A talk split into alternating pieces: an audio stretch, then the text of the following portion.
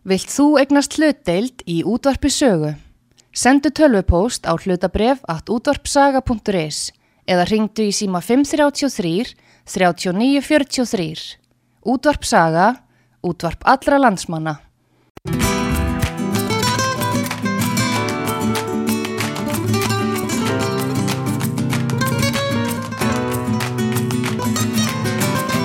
Þú ert að hlusta á unga fólkið með máguna sinni.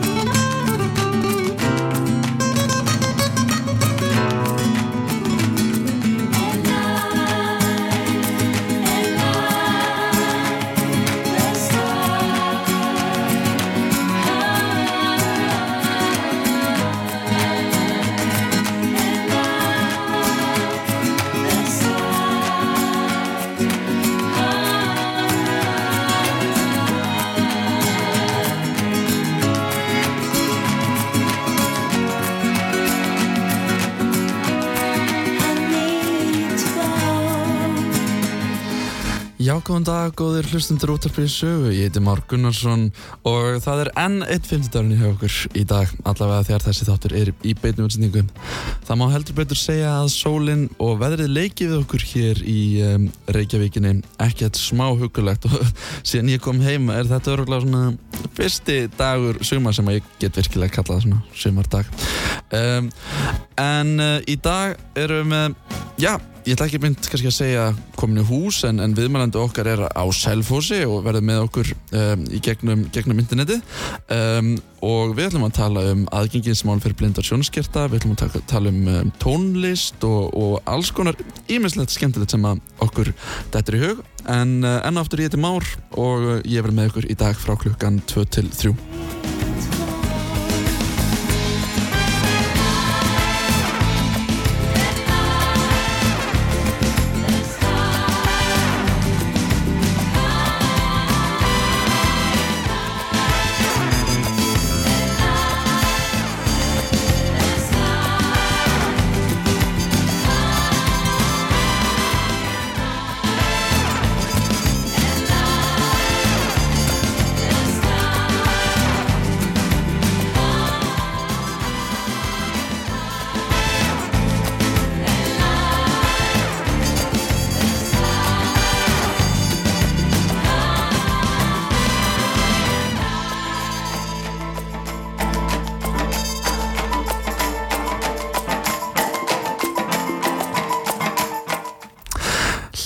heyrur í mér?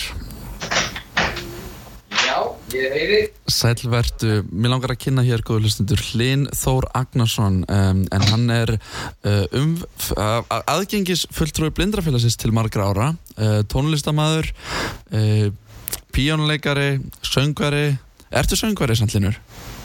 Ég hef ekki auglýst mig sem söngvara beint en, en jú, jú, ég syng. Þegar þú þarft að syngja? Já, allavega þá. Já, svona eins og ég svolítið það minnsta. Heyrðu, Já, ég man hérna, þegar ég var í hljómsveit á sínum tíma, þá endaði ég sem söngvari og þá syngjandi trommari og þá var það bara voða einfalt, sko. Við áttuðum okkur á því á kannski þriðju eða fjóru hljómsveitræfingunni að svona, já, herðu, við, það þarf nú einhver að syngja hjá okkur líka og ég var bara síðastur til að segja pant ekki. já, menn og enda er þá í því hlutverki Já, í alveg sjö, sjö góð ár, sko. Já Um, mér langar að segja frá því að, að hann um, góðvinnur okkar Gísli nokkur Helgason um, var í þættinum hjá mér í síðustu viku. Þá rættu við svolítið um uh, svona hvernig það var að alast upp uh, sem blindur eða alvarlega sjónskiptir einstaklingur í Vestmannum á miðri 20. öld, þannig cirka uh, við töluðum um eigagósið og okkur svona en, og Linur, ég ætla kannski ekki beint að segja að þú sett næsta kynnslóð en þú ert svona þú ert, uh, þú, þú ert hvað fættur 1980 88. 88 er mitt, þannig að þú ert svona þar, þar, þar næsta kynnslóð eftir, eftir gísla en samt kynnslóðinu undan mér um, og það hefur vissulega margt gest uh, í málefnum blindra og sjónskertra uh, á, á Íslandi á þessum tíma og er svo sem ennþá í vinslu en er til að segja okkur eins bara frá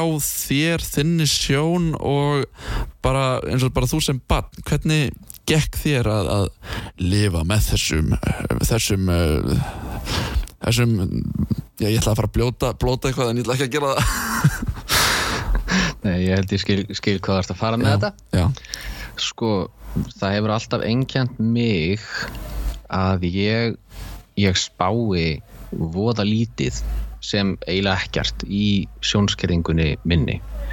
Ég, ég er það lánsamur að, að mér finnst ég sjá vel veist, ég er með svona, ég talaði með sér með bylnu 10 til 30% sjón. Hún að vera með það frá fæðingu. Þannig að ég, ég er með fullt sjónsvið og sé alla liti og, en það bara ég sé ekki jafn kannski skýrt eins og ef maður væri með 100% eða yfir 50% sjón. En svo er það svo fyndið að að ég þekki ekkert annað. Þannig að ég verandi með 10-30% sjón mér finnst ég bara að vera með 100% ég þekki, ég get ég er alveg jafn erfitt með að ímynda mér hvernig það er að vera með 100% sjón alveg eins og aðili með 100% sjón að ímynda sér hvernig það er að vera með, með 10% og sem bann þá veist, ég man bara eftir að ég var með, var með derhúur og, og sólgleru að því ég er frekar svona byrtufæli þó að mér finnist eins og það hafi minkað en það er mögulega bara veist, aðlögun skilur maður, maður ef maður er í sömu aðstæðanum endalaust þá læri maður að lifa, lifa með því og, og þetta heilin sem er í rauninni þú sérð með heilanum, augun eru bara glukkar og heilin veist, er móttækilegu fyrir þessu og, og lærir að lifa með því líka. En sem bann þá lét ég þetta eiginlega ekkert stoppa mig. Veist, jú, ég var örglega að rinja á hausin oftar heldur en, hérna, heldur en kannski jafnaldra mínir í, í, í hrauninu og, og slíku fyrir, fyrir austan, ég náttúrulega ólst upp á, á kirkjubæðarklaustri og kláraði já, ok. mína grunnskólagöngu þar. En ég var alveg að hjóla og tók þátt í öllum íþróttum, frjálsum og fótbolta og, og körfubolta og keiriðum á fjórhjóli og, og gerði í rauninni flest allt sem að mér langaði til og, ég, og, og ástæðan fyrir því ég gerði og ég spáði ekki einu svona í því sko. Nei. bara þú veist, allir hinn er að gera þetta þá bara ger ég þetta líka Já. En uh, í skólanum þegar varst að læra og eitthvað svona, ég meina hvernig gekk það? Varstu með eitthvað svona stekkunagler og eitthvað svona drasl til að hjálpa þér? Já, jú, það var sko það er rauninni bara eitt hjálpartæki sem ég get sagt að hafi fyllt mér í gegnum allan grunnskólan og, og það er svona stekkunar steinn eru svona stekkunargler sem hún leggur ofan á bókina og hún stekkar þetta upp um kannski 2-fald, 3-fald, 4-fald, 5-fald Já. eftir hvað steinin er sterkur. Og ég man það var algjör luxus þegar ég fekk svona stein sem var með áföstu ljósi. Þannig að hann lísti líka upp það sem hann var að, var að stekka en það var alltaf verið að bjóða mér alls konar hérna tæki just, ég er handónitur í bakinu að vísu að því að, ég vildi ekkert nota neitt, neitt af þessu hlutum Já. en veist, það var svona hallandi borð og sem var svona bara lítil plata sem hún lagðir bara ofan á skólaborðið þetta er bara þessi klassísku metersinu meter skólaborð sko, Mhm. sem allir aðri voru við og ég var með svona plötu ofan á sem ég gæti reist upp, þannig að ég gæti verið með að halla á borðinu, þannig að ég væri ekki eins hókin í, í bakinu, Já. ég notaði það á einhver, á einhver aðna, tímapunkti. Svo fekk ég svona sérstakt borð alveg bara svona bara eina mitt eigið skrippborð þetta leit eða ekkert út eins og borð þetta leit meira út eins og gameskip og Er þetta smiðjubekkur ég... lítið svona eins og svona smiðjubekkur. Svona, Já, já, þú ert með svona skúfur og svona sikkur með við þig, eitthvað smá borðplás og svo bara hallar bara allt borðið og þá hugsa ég bara nei.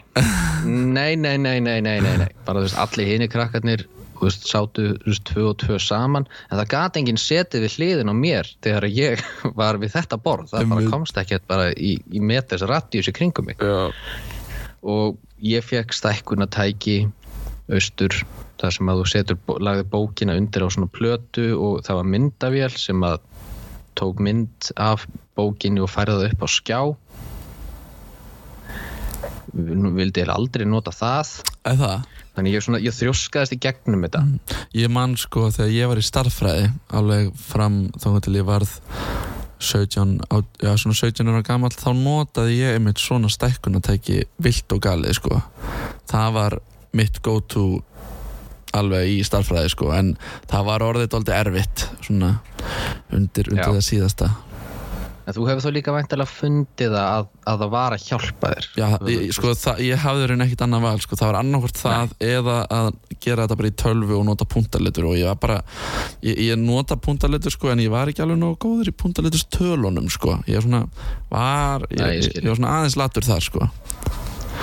Ég náttúrulega slapp alveg við það og ég fann það bara hjá mér sko að ég held að þetta hefði verið bara svona, svona survival mode sko, bara ætla ég að vera veist, ég vildi svo mikið bara vera bara eins og hinir Já.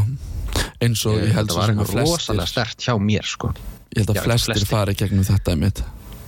Já, og en náttúrulega sko en, ef þú, en ef að sjónskerringin er kannski það mikil að, að þú átt bara ekki möguleika á því, þú bara þarft að nota hjálpatæki, þá náttúrulega ámar ekkert að vera feimin við það og þú veist, ég hugsa tilbaka í dag og ég var bara svona ok, vá, ég hef verið erfið típa en, en ég bý að þessu samt í dag. Og ég er ég er algjör þrjóskuhaus. Ég veit það. En það er samt og ég merkilegt fór að segja þátt í það út af- gegnum það á nefanum sko. Já, en það er samt alveg merkilegt að segja þetta sko út af því að mér finnst ég sjá það alveg hjá mörgum blindum og sjónskiptum einmitt sem að kannski sjá alveg rosalega lítið og mun minna en þú sko. Um, og gjörsamlega þyrti á alls konar tækni að halda en í rauninni bara þrjóskast við sko, þrátt fyrir að í rauninni hafa þau ekki annað val en þau samt þrjóskast við sko, eins og ég veit um aðeila sem að sjá eiginlega bara valla skímu en það vil ekki ganga með hvítastafin Nei, nei, nei. Vill nánast sko vera með stekkunanglega sko. Í, í En- rauninni. en þetta, en er þetta, þú veist, þetta verður maður að skilja þetta og ég, ég skilja þetta því ég hef upplifað þetta sjálfur þetta er bara svo stert, ef þú ert vanur að nota ákveðið skinfæri eins og sjónina og, og hún er kannski að hrörna eða hún er eitthvað takmörkuð en á meðan þú hefur það og þú sér að það er eitthvað smá möguleiki á að nota hana þá heldur þú, þú rík heldur í það sko.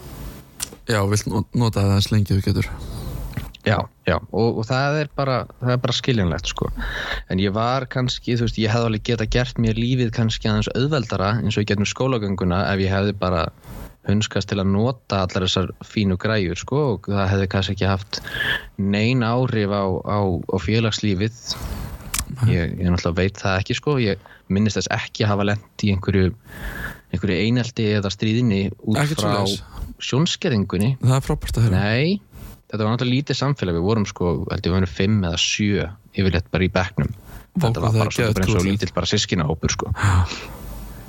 Og það er eftir kósi Bara sjö ma- þetta voru yfirleitt bara nefndur í skólanum voru yfirleitt farin hundrað sko í öllum tíu bekkinu Ok. Og er þessi skólinn þá starfar eftir, veist það? Já, ég held að sé nú alveg undir 50 krakkar í honum í dag sko. Já Ok. En hann er ennþá starfastur en svo, það var líka rosalega mikil viðbreyði svo þegar ég fór úr því svona, það er svolítið verndað umhverfi að vera í litlu samfélagi. Já. allir þekki alla og þegar ég fór svo í Vestló í veist, 30 manna bekk. Hvernig mitt gekk þér sko, nú er uh, eins og þú segir réttarlega grunnskóla umhverfið mun vendara heldur en uh, framhaldsskóli og háskóli og þú kemst upp með alls konar, ef ég kannski segja svona skítrætingar í grunnskóla út af því að vinnu álæður er bara minna en hvernig gekk þér að, einmitt, að skipta þá þarna á milli? sko, mm, ég átti erfiðara með það félagslega að, bara því að ég var vanur að koma úr svo litlu umhverfi og svo allt innum varstu með 29 manns í bekk og þú þekktir engan og þú, það er bara aðstæður sem þú varst ekki vanur að vera í en ég held sko námslega séð þá gagnaðist það mér að hafa svolítið að fara þetta áfram á hnefanum í gegnum grunnskólan að því að þegar veist, lestrarmagnið sem að þarf að fara í gegnum í framhaldsskóla ég var á viðskiptabraut en ég tók alveg lögfræði, lögfræði kurs og svolítið, þetta var alveg rosa mikill lestur að maður var vanur því að, að fara þetta svolítið á, á hnefanum og ég held ég að bara búið að því að hafa gert það. Þannig að og ég, veist, ég fór í gegnum, ég var með fólki í Beck, að því það er Beckjakerfi í, í Vestló, ég var með, var með krökkum í Beck öll fjögur árin í gegnum skólan sem að uh, vissu aldrei að ég væri sjónskertur. Í álfuru? já, já Sæll. Og á þeim tíma ég var bara gett stoltur af því. Eins og það tókst hafi að skipt- það. eins og það hafi skipt ykkur máli. Já, við tókst að fela það, það, það, þú veist, föttuðu það ekki þetta var það sem að virkilega skipti mann máli á þessum tíma.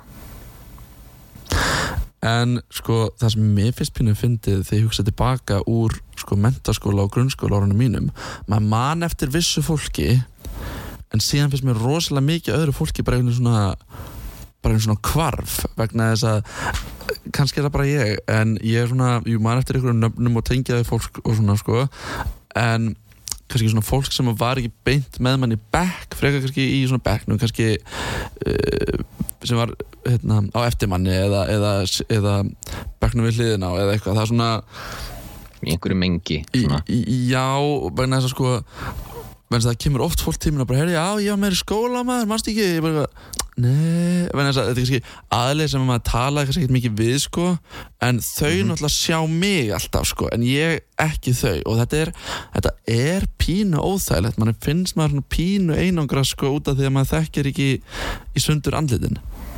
Já. Ég Ég tengi náttúrulega við þetta sko, já ég tengi hart við þetta sko.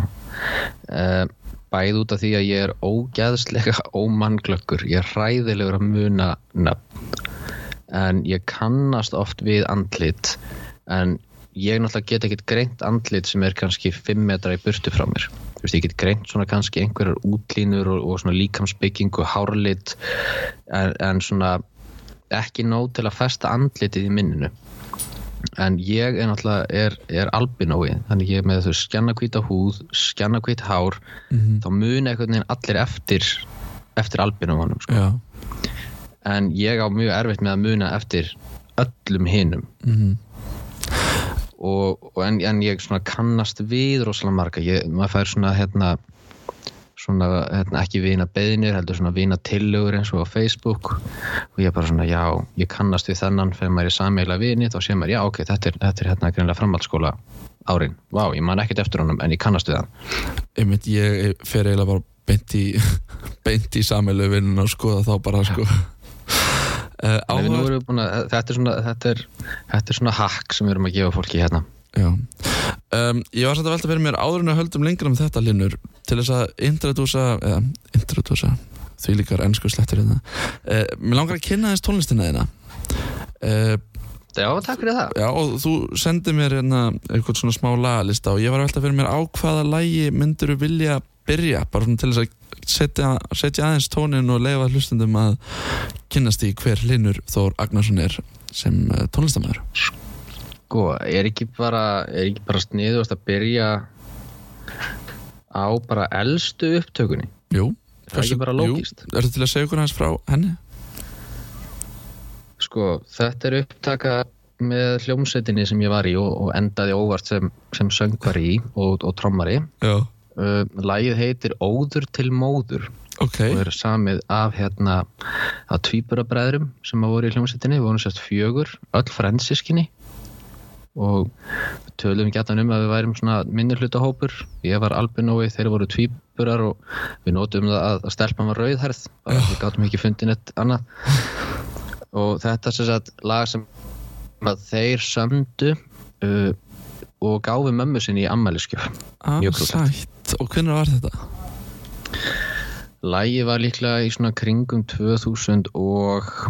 2006 sem það hefur verið samið og ef ég man rétt þá er upptakan þessi frá 2009 eða 10 Ok, frábært. Lag til að þetta.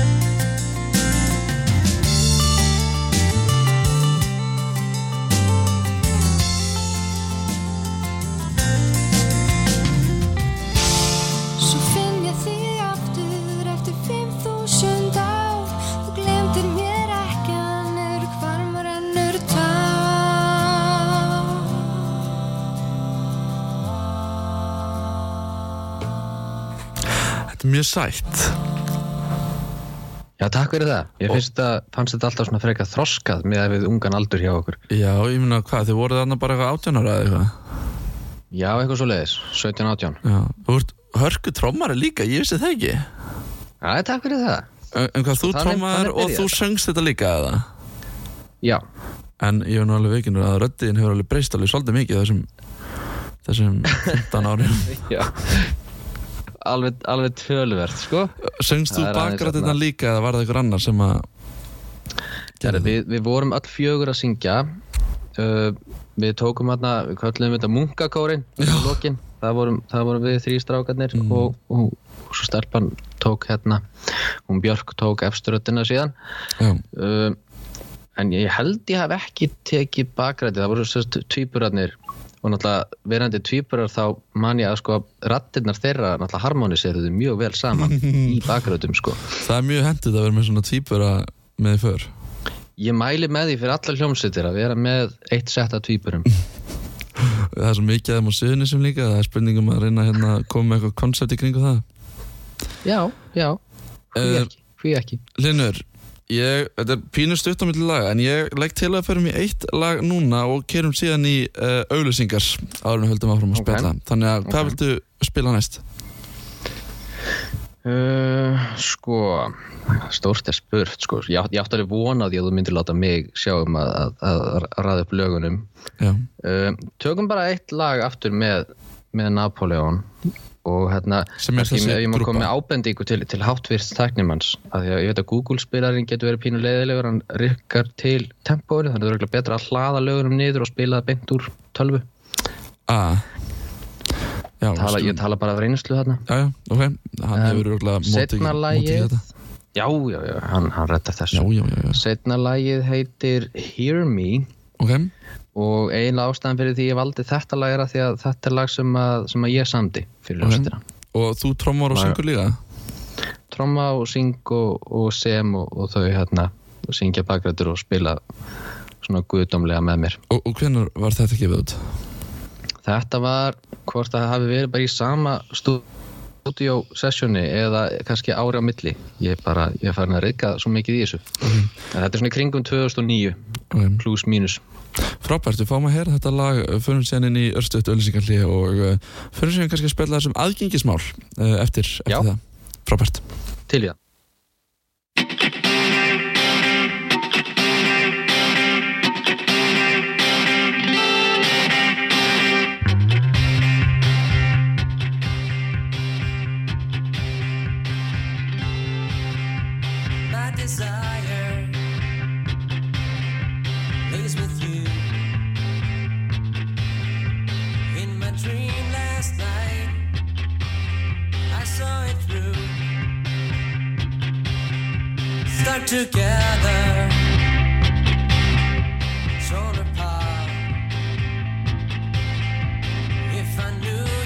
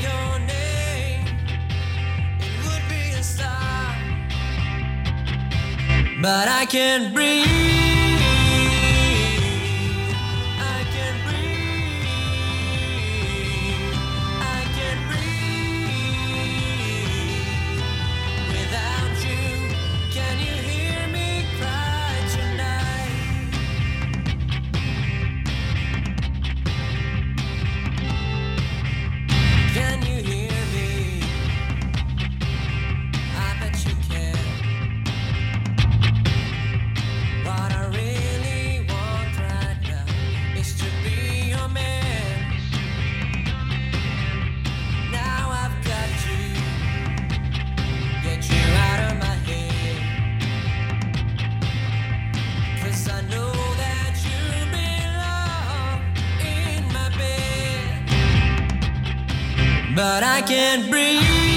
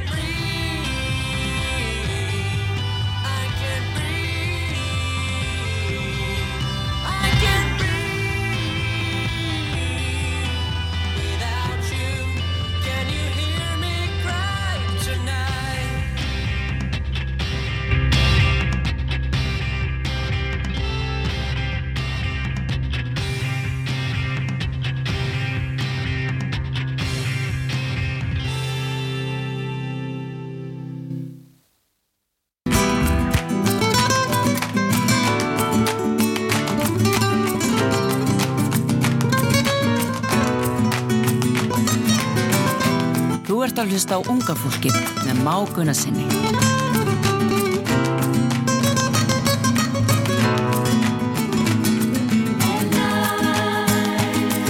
Já, komið aftur sæl uh, eftir þetta örstutta ölsingarlið. Ég heiti Mór Gunnarsson og þú ert að lusta á unga fólkið og með okkur í dag er um, Hlinur Þór Agnarsson. Hlinur, ertu ennþá hérna?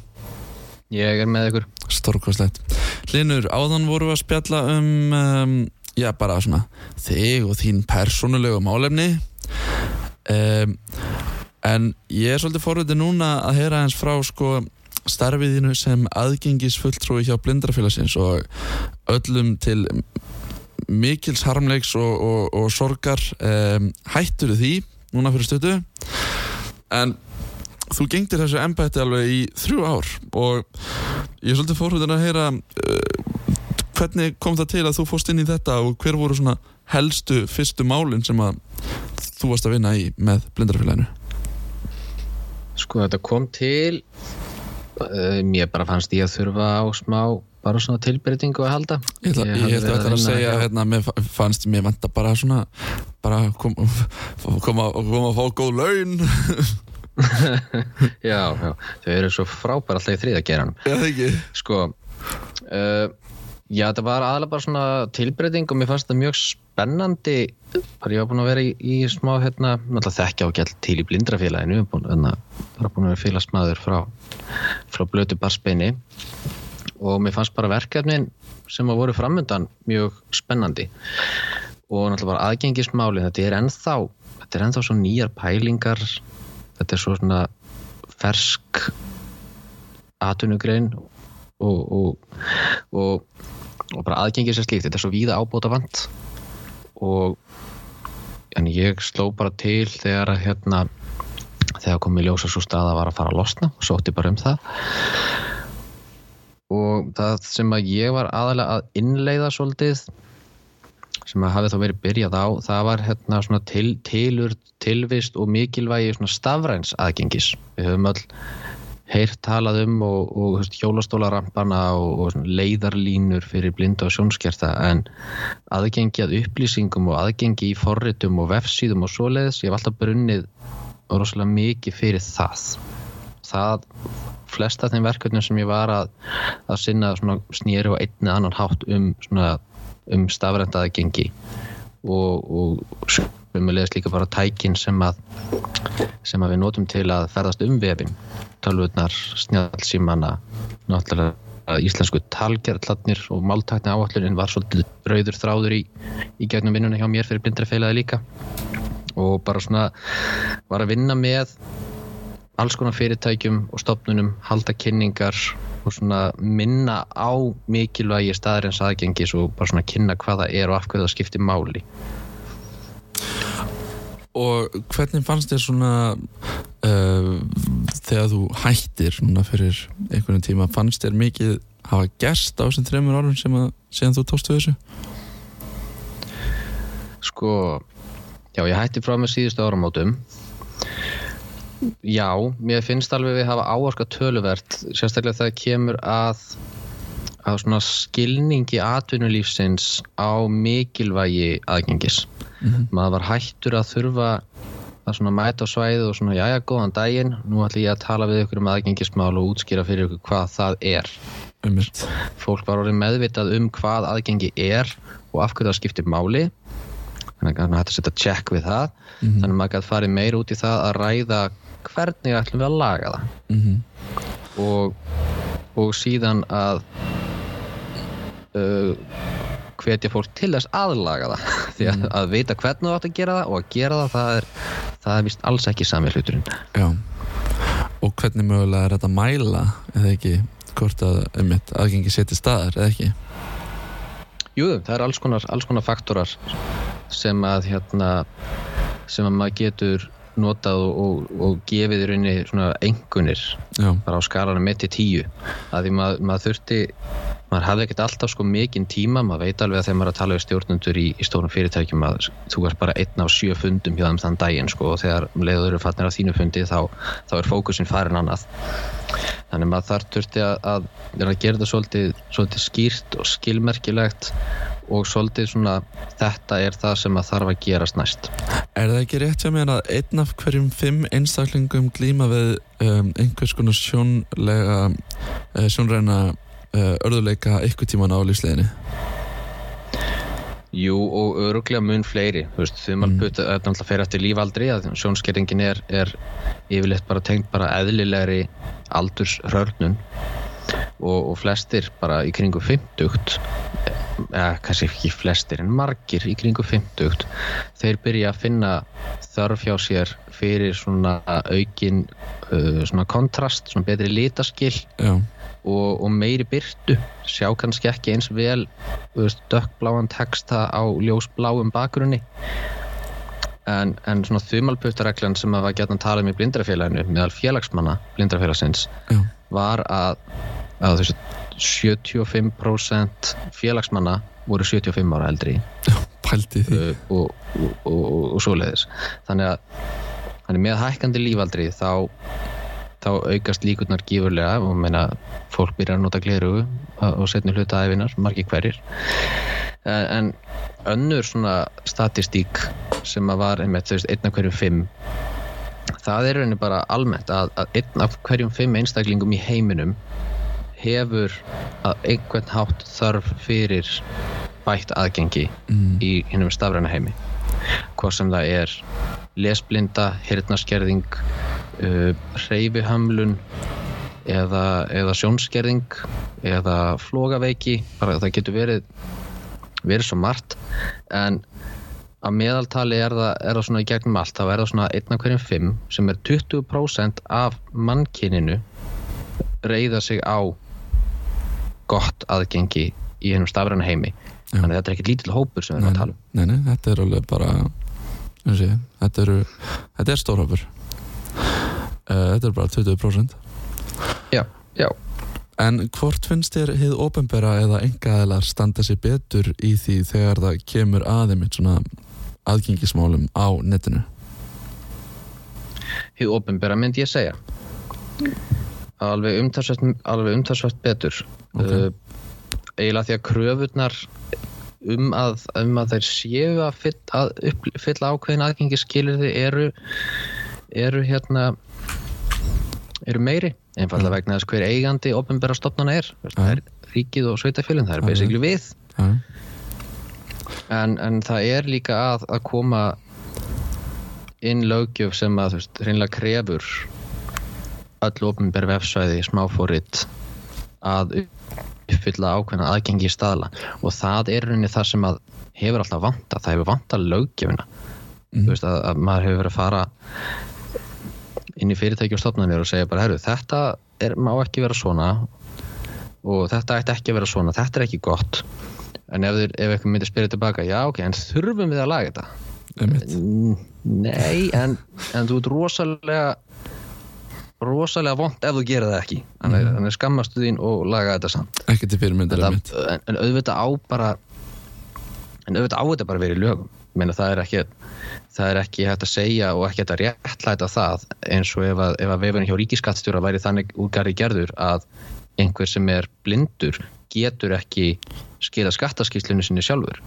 Og þarf annarkvort þá að leita á náðir og, og trubla einhvern í sínu nærumhverfi eða kaupa sér þjónustu sem hann þyrfti átti vil ekki að gera ef hann væri með fulla sjón. Bara út af einhverju svona aðgengis hlutum sem eru í 99,9% tilfella eitthvað sem er hægt að laga?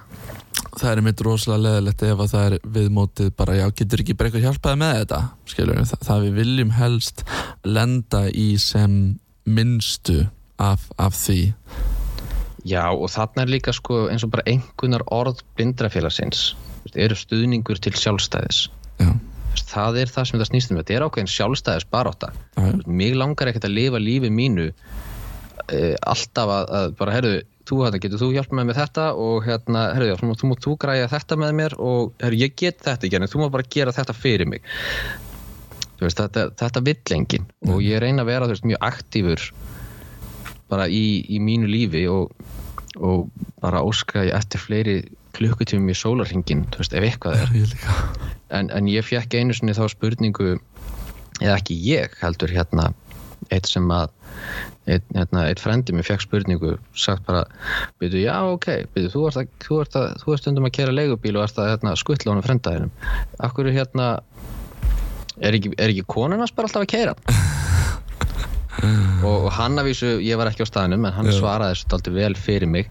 Hann sagði bara, já, hún gæti það öruglega ég er bara ekkert sem að hann vilji það. Að hún sé eitthvað endur að skuttla sér bara eitthvað út um allt hann vil öruglega bara hún sé að eiga sitt líf. Hvað lætur ekki Líka. konun aðeins hjálpaði með þetta Linur? ég ætla ekki að segja hún keiri mig aldrei. Er, þetta ekki þannig bara, nei, þú keirir mig bara yfir höfuð ekkert? Ef ég fæk að kera það, keirir þú mig ekki. Sko, þú keirir en ég fer á leigubíl. Já, já, við erum samt að fara á sama staði. Þú skuttla mér ekki. Nei, nei, þetta, þetta verður að vera ákveðin meðal, meðalvegur í þessu. En, en þetta er svona pælingin. Auðvitað, auðvitað vill maður geta lifað bara sjálfstæðu mannsemandi lífi.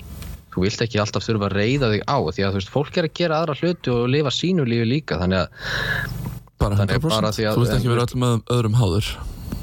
Nei, og ég held að enginn myndi vilja það en, en það er en þú veist það svo mikið betur ef þú ert í þeirri stöðu að þurfa þess það er ógstlega erfitt að ímynda sér að vera á þeim stað ef þú Það er ert það ekki það er það, ef þú verður ekki pröfað það getur Já. erfitt, erfitt að setja sig í þau spór en ef við horfum á núna eru nú komin alls konar líka svona smáforrit og, og alls konar sniðugt sem fólk getur eins og bara að downloada í símana sína og gerir alveg óbáslega mikið.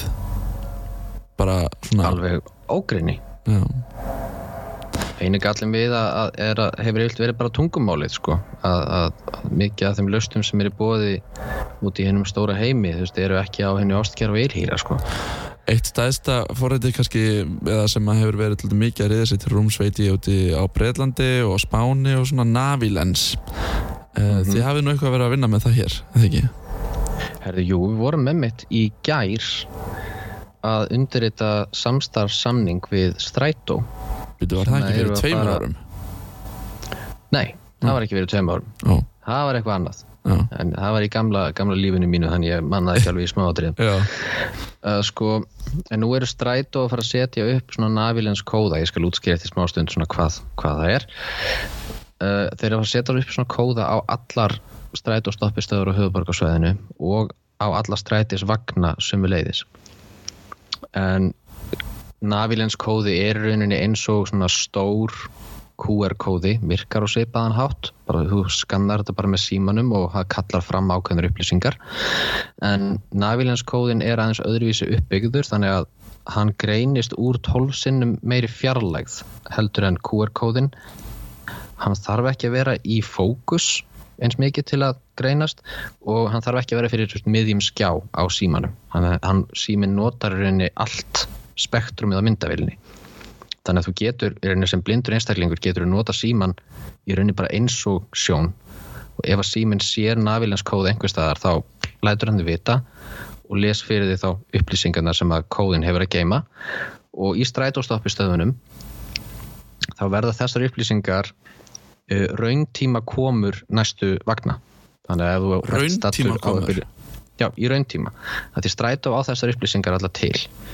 Uh, Þannig að þegar þú myndir skanna til dæmis kóða í einhverju strætóskíli á miklu braut, þá mun, myndir fá í síman, já, þetta er strætóstoppið við miklu braut við kringluna. Uh, Eftir tværi mínútur kemur leið nummer 13 í átt að Granda og eftir sjö mínútur kemur leið 8 í átt að biskupstungum í ég, ég man ekki strætókerfið nákvæmlega fungerar en, og síðan þegar að það er vagn að koma þá getur þú skannað kóðan í reyni og þegar, þegar vagnin kemur og síminn grípur kóðan þá getur hann sagt hvaða vagn þetta er hvort þetta sé leið 13, 8, 20 og svo framvegis. Já, og að því að þetta eru þrý, þeir eru rauninni í þrývít þessi kóðar og stærðin að þeim skiptir líka máli að hann getur sagt hvað er langt í kóðan líka. Þannig að þetta er líka ákveður svona staðsetningatæki en eins og sko rauntíma sko rauntíma merkingar á strætóskilum hvernig farið að því? Ég meina, er þetta á skjáum breytast kóðarnir eða ég fætti þetta ekki alveg Nei, kóðin er rauninni bara prentaður, þú getur prentað hann bara á, á bara A4 blað og, og hengt hann upp þess vegna. En það sem kóðin gerir er að hann sækir síðan upplýsingar satt í bakendanum, í rauninni bakendakerfinu er hann að sækja upplýsingar úr innri kerfum strætó. Það búið að innleiða þessi tvö kerfi saman og, og strætó er með þessar upplýsingar til reyðu í dag. Að eins og til dæmis Emblu appið er að nota ef þú spyrir hvenær strætónúmer það eitthvað er, app er vonlaust. Sorry.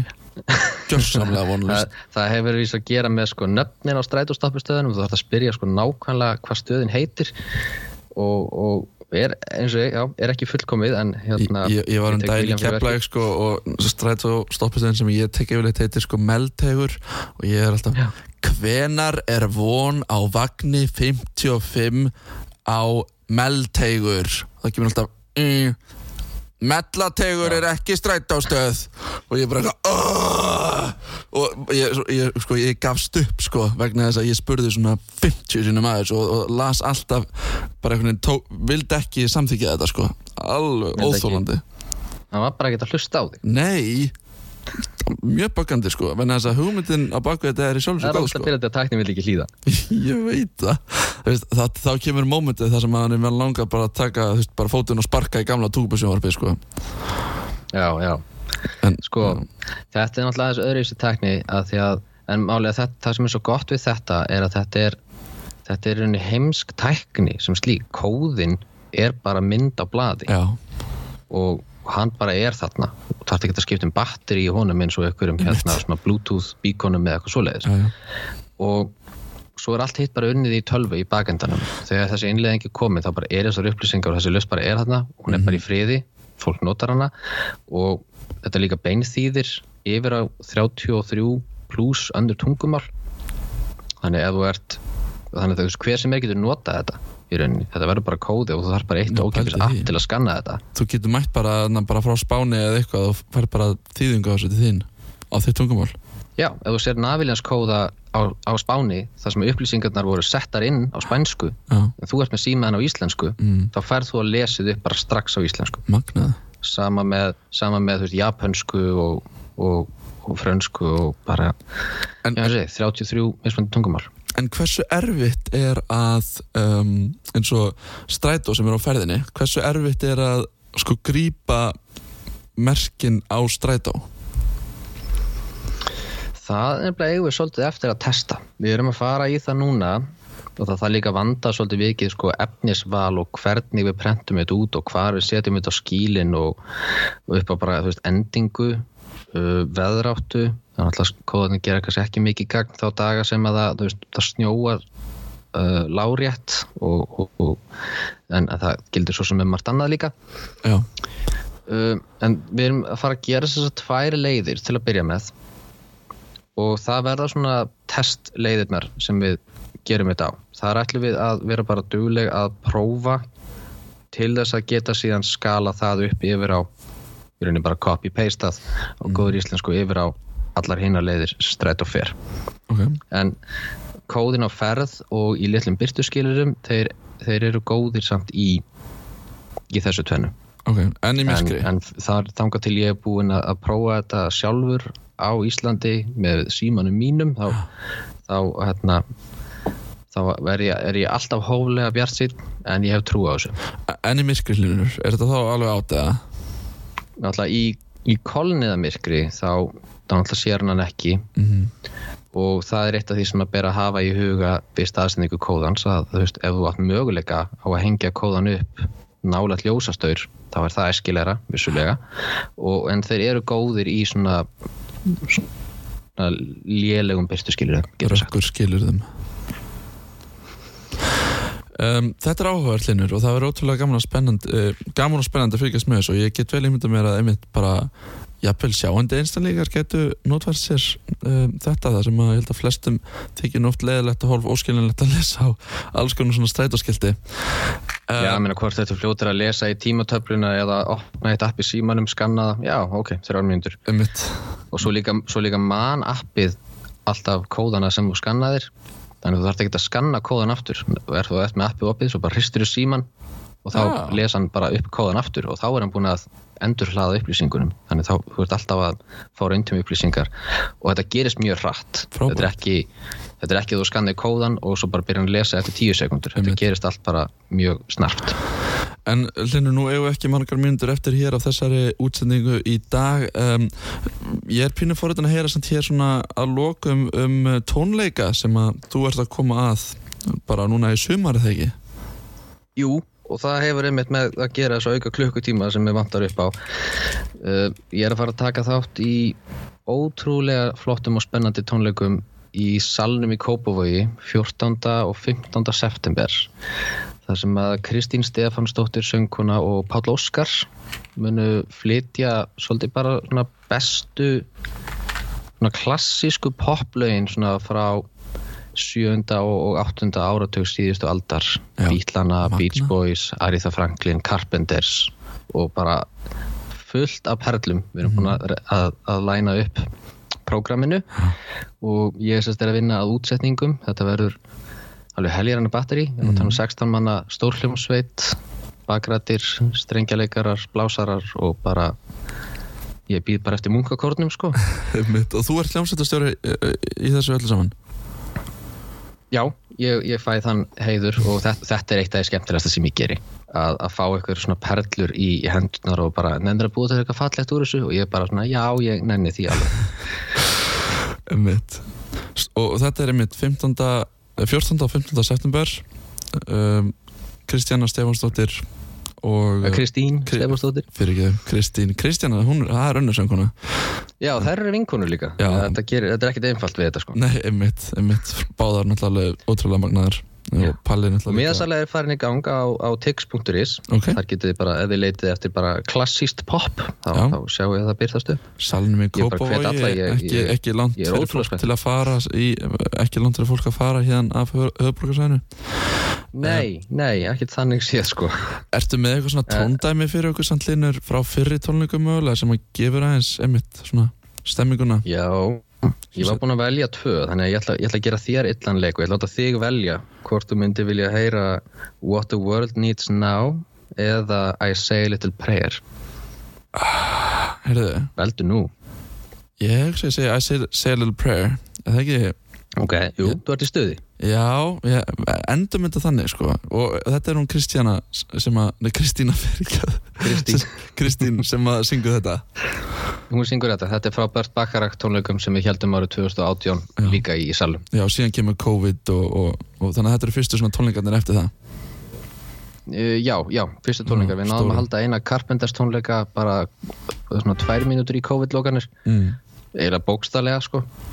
En, en þetta er eiginlega svona fyrsta fyrir utan síðustu jól, jú, hjaldum við tónleika og við, erum, við gerum þetta alltaf öðru koru og förum alltaf sko langt fram yfir svona það sem mætti þykja eðlilegt í, í umfangi. Einmitt, þetta hljómar eins og mjög kostnaðarsamt verkefni og þess vegna auðvitað enn en mikilvægur að- Já, frábært, en þess vegna einmitt enn mikilvægur að fólk uh, mæti og, og hafi gaman og, og hérna, stiði þetta frábæra verkefni um, En Hlynur Þór Agnarsson uh, fyrir um aðgengisfylltrúi blindrafélagsins hljómsættastjóri, pjónleikari, trommari.